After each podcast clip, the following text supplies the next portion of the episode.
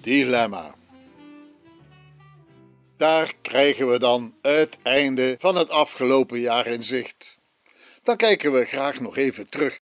Wat heeft het afgelopen jaar ons gebracht? Nou, het was echt wel weer een bewogen jaar hoor. Maar toch, achteraf viel het nog niet eens zoveel tegen. Waren er echte rampen of slachtoffers? Nou, waarschijnlijk zijn we de dans min of meer ontsprongen. En ook onze eigen overstroming bleef achteraf nog mee te vallen. We zaten ruim vier maanden in en rond het huis, omdat onze kilometerslange uitweg op talloze plaatsen afgebrokkeld of zelfs helemaal weggespoeld was. Wij konden er eenvoudig niet uit. Nou, gelukkig, gelukkig hadden we wel stroom, telefoon en internet. En, en bijna elke week werden de boodschappen en de post per boot op het strand afgeleverd, een paar honderd meter verder. Vier maanden is een kwartaal, een derde van een jaar. Maar achteraf, achteraf was het toch minder erg dan we dachten. En alles wat we toen echt niet konden doen of regelen, nou, dat, dat hebben we gewoon doorgeschoven naar het nieuwe jaar. Maar in die periode is ons één ding enorm opgevallen. Wij konden vier maanden ons afval niet kwijt. En elke dag viel het ons steeds meer op hoeveel afval en rommel we in de vuilniszakken en kartonnen dozen moesten opslaan. En vooral plastic, reclame en folders. Een voorbeeld. We hebben een abonnement op de krant. Nou, die wordt ongevraagd afgeleverd in waterdichte plastic hoes. Non-recyclable, zoals ze hier zeggen. Ons weekblad arriveert ook al met zo'n onnodige plastic hoes. En ik knip telkens braaf het papier uit zijn jasje. Die plastic hoezen, die stapel ik op in een doos. En een enkele keer kunnen we er nog wel eens een zak van gebruiken. Ja, en, en plastic stop ik toch liever niet in de vuilniszakken. Maar ja, waar kan ik dan dat spul kwijt? Wat moet ik ermee? De stapel groeit nu ook nog elke dag. Ja, dan maar geen krant of tijdschrift. Nou ja, eh, we willen natuurlijk wel graag op de hoogte blijven van wat er in onze wereld zoal gebeurt.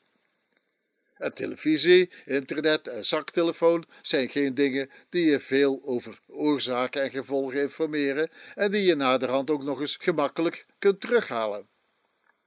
En het is maar een beetje plastic in een oneindige stroom van verpakkingsmateriaal. En dan het vervoer. We zitten hier een kleine honderd kilometer van de stad af. Normaal rijden we daar elke week wel een keer naartoe. In elk geval om eh, boodschappen te doen. En er zijn nog altijd uh, afspraken met dokters, standaardsen, deskundigen, vrienden en kennissen die niet naar je huis kunnen of willen komen. Maar in die vier maanden zagen we ineens hoeveel we kunnen besparen op brandstof en dus ook op luchtvervuiling.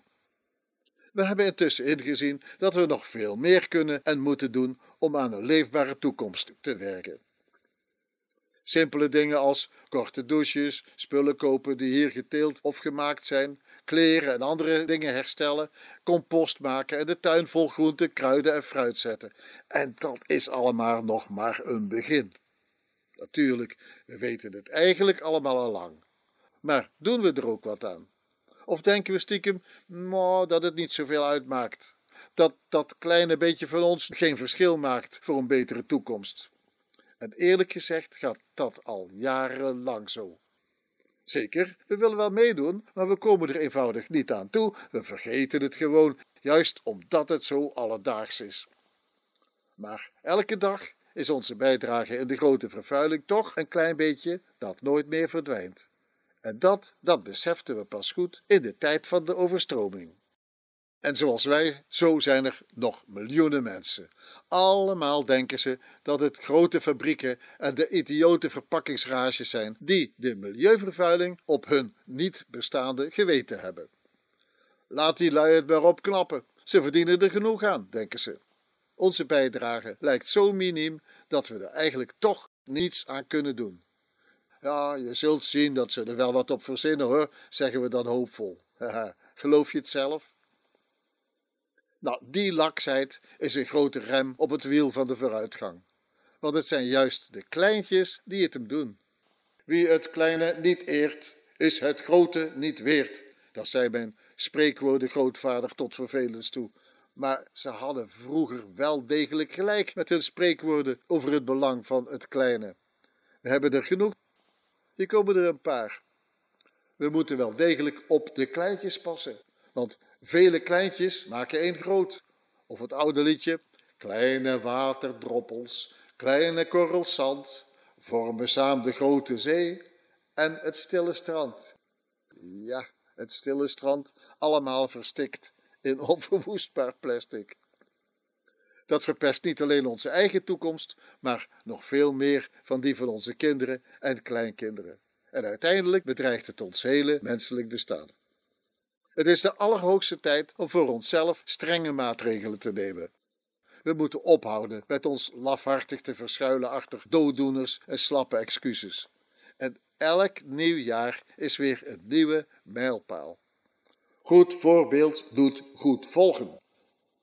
Zoals de ouden zongen, piepen de jongen.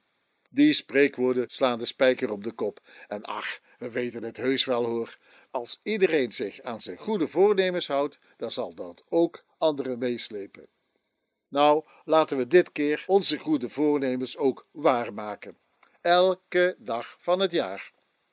We hebben het toch graag over voor onze kinderen en kleinkinderen. Wat zeg ik? Voor alle mensen, dieren en planten. Nou ja, we zijn misschien geen helden, maar samen kunnen we deze levensbedreigende veldslag winnen.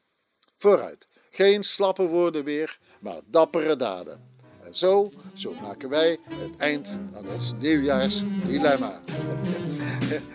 Ik dank u.